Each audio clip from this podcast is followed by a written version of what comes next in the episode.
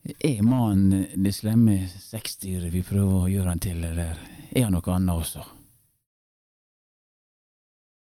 Hei, Rebekka. Hei, Jon Jon.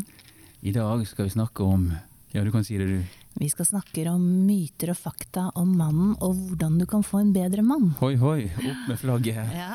Ja, det er spennende. Du, altså, er så dårligere Syns du skal ha en som er bedre? Altså, jeg jeg syns faktisk litt synd på mannen jeg, i den verden vi lever. For uh, han uh, håper jeg, gjør så godt han kan, men likevel så blir ofte ikke kvinnene fornøyde.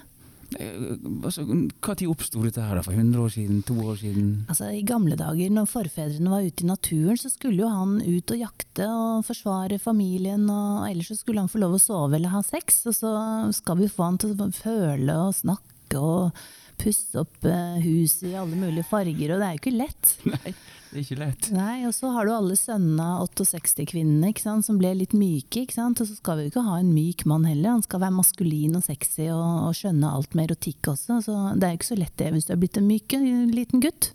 Men dette med fotformsko og, og hva sagt, blomsterhatt og sånt, hvordan mhm. ble det av henne i den myke mannen? Altså det var jo, altså det, jeg, han, han, han, finnes jo i noen utgaver fortsatt, men, men, eh, det som er i dag, er jo at også unge menn opplever kroppspresset. Man, vi lever kanskje i en verden pga. sosiale medier, så skal vi se så good looking ut. og og eh, det er, det, er jo, det er, jo, ikke så mange som sier at det, eh, det faktisk er sexy med en styggpenn mann, men, men jeg syns vi skal ta tilbake mannen slik som han egentlig er, og så syns jeg vi skal være litt snillere med han, og da tror jeg faktisk du får en, en bedre mann. En bedre utgave av en mann? En bedre utgave av en mann. Og for eksempel hvis vi, hvis vi, tar for det at uh, altså det er jo over 50% av de som er gift, som skiller seg her i Norge. Uh, og, og, enda flere som går fra hverandre før de er gift, holdt jeg på å si, når de er samboere. Og det som ofte skjer, er jo at når et parforhold ikke har det så godt, uh, så slutter de ofte med sex fordi damen i forholdet sier at 'jeg orker ikke, jeg vil heller sove', jeg er så sliten'. Men eh, du kan si moder natur, hun har kanskje gjort én stor feil når det gjelder mann og kvinne. Det er at kvinner de vil helst føle seg elsket og tatt vare på, stimulert, håper å si, kurtisert før de har sex. Mens mannen, han kan virkelig føle aller best etter at han har hatt sex. Oh, ja. Så det er jo litt krasj. Når er det de skal få det til da, når de har det vanskelig? Når hun vil liksom føle seg elsket først, og han klarer ikke å elske ordentlig før etter sex. Da har vi et praktisk problem. Houston, we have a problem. Ja, da har vi et problem. Ja. Hvordan løser man slikt, da?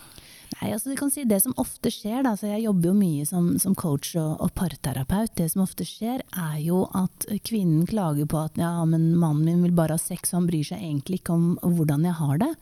Eh, men det gjør han faktisk. Eh, han, han, bryr seg veldig mye, men han vet bare ikke helt hva han skal gjøre. Og det han gjør så godt han kan, det er å på en måte gjøre det eh, kona helst vil at han skal gjøre. Fikse ting i garasjen, i hagen, male den veggen i, i kaffe, latte, alle disse tingene. Og så likevel så blir hun ikke fornøyd. Hun vil dra på jentetur og, og, og drikke cava med venninnene sine og prate skit om mannen, som, som, faktisk prøver så godt han kan. Og så, det som veldig ofte skjer, det er at kvinnen skrur av på en måte sexlysten. Men så later hun plutselig at vi er liksom tilbake i middelalderen, at hun må ha sex med mannen for å få fred. Så hun har da sex med mannen når hun egentlig ikke har lyst. Når hun egentlig kanskje har det dårlig med seg selv og egentlig litt metaforisk er den lille piken som trenger trøst. Og så har hun sex, eh, og da føles det selvfølgelig ikke bra. Og etter hvert så har hun mindre og mindre lyst på sex. Og jeg har opplevd mange par som kommer til meg, hvor vi i en åpen samtale så sier kanskje kona ja, jeg har hatt sex med deg ja, de siste to-tre årene uten at jeg hadde lyst. Og da oppdager plutselig mannen at hva, er jeg liksom en overgriper? Jeg som på en måte er gift med deg, har barn med deg og gjør alt jeg vil. Og mannen prøver ofte å løse problemet og kanskje jobbe litt ekstra. For han, til slutt så er han litt utilpass, for han vet ikke helt hvordan han skal overleve på hjemmebane. For uansett hva han gjør, så blir det feil. Og det som da skjer, er at når han da faktisk har hatt sex og føler For det er sånn rett og slett biologien er. altså At det er lettere for mannen å si, slappe av og kjenne på følelser etter at han har kommet, rent seksuelt. Og da er det Da føler han seg jo som en idiot.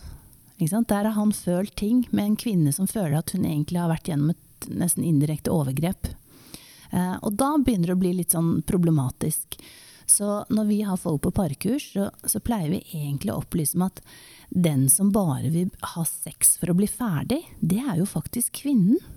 Ikke sant? Men så skylder hun på mannen. Ja. Eh, og, og jeg vil si til alle kvinner der ute, skjerp dere. Hvis dere ikke er tent på mannen din, så, så la være å ha sex.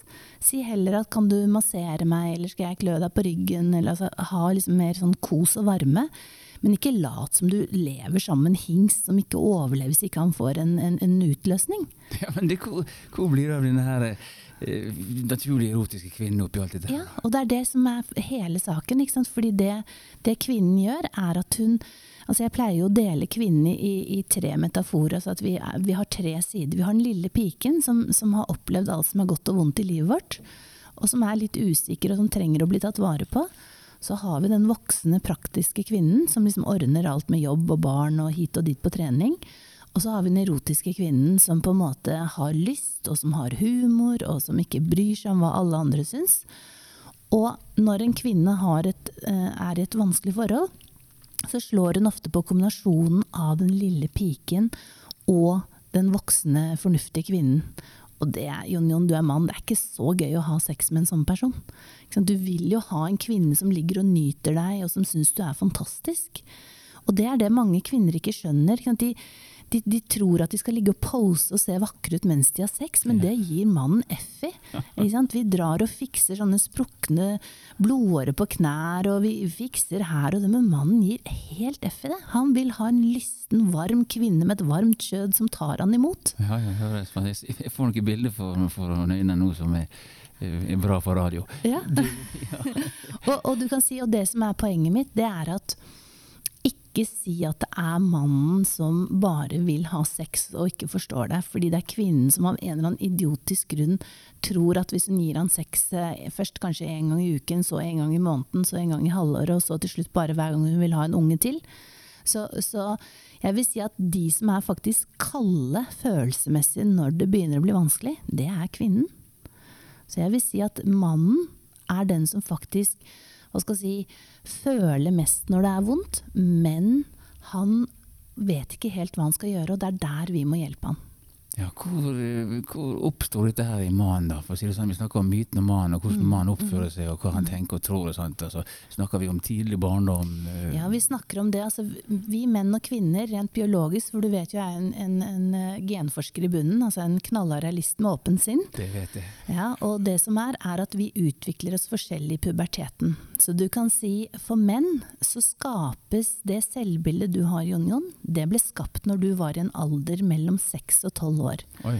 Og det er rett og slett som man ofte kan se når gutter begynner på skolen. Så er de litt mer sånn ofte viltre av seg. Nå sier jeg ikke alle, vi skal ikke generalisere, men hvis du ser på liksom gutter kontra jenter, så er jentene litt mer sånn aktive fordi de rett og slett har mer testosteron i kroppen. Fordi du er mann og, og jeg er kvinne, så har du mer testosteron, selv om vi trenger alle hormoner. Og da, det som skjer, er at når, la oss kalle han Pelle, da, når lille Pelle endelig skal begynne på skolen, så, så, så, gleder han seg, for alle sier jo dette er helt fantastisk, han får ny sekk, og det skal feires med kake og hva det er. Men når han kommer på skolen etter to-tre dager, etter at frøken har liksom sagt vi er en blomsterbukett og skal ha det gøy, så syns han det begynner å bli litt kjedelig, så han begynner å gå rundt i klasserommet. Eh, og så sier frøken nei, Pelle, nå må du gå og sette deg, og hvis du skal si noe, så må du rekke opp hånden. Og det lille Pelle på seks år da opplever, er en enorm frustrasjon, og faktisk det vi fagspråket kaller naturlig angst. Og når han da kommer hjem, så, så stoler han på mamma og pappa. Og så sier ofte lille Pelle vet du hva, jeg trenger ikke å gå på den fine skolen, jeg. Jeg kan godt være hjemme. Eller i barnehagen. Og så sier vi voksne nei, Pelle. Her i Norge får alle gå på skolen, det er kjempegøy. Så det vi gjør, er at vi trykker ned lille Pelles naturlige angst. Og lærer han at hver gang han blir frustrert, så bare trykker vi det ned i en vanlig god norsk barneoppdragelse. Så det vi egentlig gjør, er at hver gang Pelle opplever en, en, en frøken som irettesetter han, eller en mor, eller en tante Det er veldig mange kvinner som tar seg av barn, altså gutter, når de er små. Så det de gjør, er at når lille Pelle blir stor, og du, han kanskje lever i et helt vanlig forhold, og, og kona da sier 'Pelle, må du virkelig gjøre det? Hører du ikke etter?' Og han da reagerer med sinne, for kanskje han har følt seg dum, han har skjønt at kona egentlig ikke vil ha sex med han, men han vet ikke helt hva han skal gjøre, så han tenker nå skal jeg i hvert fall klippe den hekken der ute og prøve å gjøre så godt. Han prøver å være flink gutt, for det har han lært gjennom barneoppdragelsen. Men når han da sprekker, så er han ikke bare sint på, på, partneren sin, da er han sint på alle kvinner som har herset med han, og som har tvunget ham til å liksom, trykke ned sin egen naturlige frustrasjon og angst. Så jeg pleier å si at, til kvinner at når mannen din virkelig klikker når dere krangler, ikke ta ham på alvor. Fordi da er han den seksåringen et eller annet sted mellom seks og tolv år, når han er blitt hersa med av damer, så tar han det sinnet ut nå. Fordi følelsene, hukommelsescellene, det er de følelsene. Og så prøver han med logikk å forklare at han ikke vil være i den vanskelige følelsesmessige situasjonen. Men det sinnet han har, det er ikke bare mot deg, det er alle kvinner som har herset med han. Så da pleier jeg å si bare la han holde på, akkurat som en unge som er overtrøtt. Og når han har sovet ut, så kan du si du, mente du virkelig så ille, liksom? Altså skal du gjøre alt det du sa og syns du jeg er så fæl? Eller kanskje det var tanten din og læreren din og moren din som du tok med i samme slengen. Og da veldig ofte kjenner du på å ja, shit, det var kanskje det du faktisk var. Ja, jeg har jo vokst opp med seks tanter, og det er derfor jeg samler på damer også. Men mm. jeg kan si det sånn at alle disse seks tantene hadde jo forskjellige måter å ja. henvende seg på. Ja. Så jeg må jo være dypt forvirra nå da, mens jeg mm. blir sint. Mm. For eksempel veldig mange menn har jo kanskje opplevd en enten en streng mor eh, som, som, som, eh, som irettesetter på en veldig sånn streng måte. Og da kan, hvis du da snakker strengt til den mannen som på en måte da følelsesmessig har det vanskelig i utgangspunktet i forholdet, hvis du da snakker strengt, så klikker han med en gang. Eh, samtidig som du også kan ha eh, dette her som dessverre er et voksende problem i vårt skilsmissesamfunn. Eh, jeg, ble, jeg, var i et selskap og ble spurt av en leder i NHO hvor han sa hva tror du virkelig er den store utfordringen i samfunnet vårt, Rebekka? Og da sa jeg faktisk jeg tror det er alle disse alenemødrene, skilte mødre. Ofte litt bitre hvis, eh, hvis, hvis, de ikke har funnet seg en ny partner. Og som koser i hjel ungene sine. Og det første de sier i skilsmissen til barnet sitt, er at 'jeg skal aldri få en ny kjæreste'. Og det som da skjer, det er at og det skjer også med mennene, men, men, men det skjer særlig mye med disse kvinnene. Eh, og det som da skjer, det er faktisk at de bytter ut en livspartner med sine barn. Altså barna blir på en måte den viktigste livspartneren til disse kvinnene.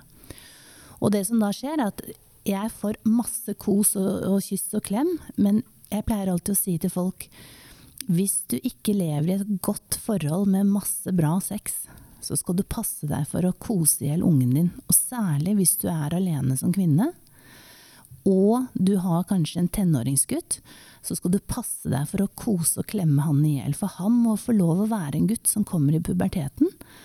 Og jeg, har mange klienter hvor kvinner for de ligger i samme seng og de koser og sånne ting. Og ja, det er hyggelig, men det er ikke naturlig. Den gutten skal få lov å gå ut og forelske seg i andre tenåringsjenter. Han skal ikke velge å være hjemme på pizzakveld på en lørdag med mamma eh, istedenfor å gå ut og, og, og møte andre jenter som han skal bli forelsket i.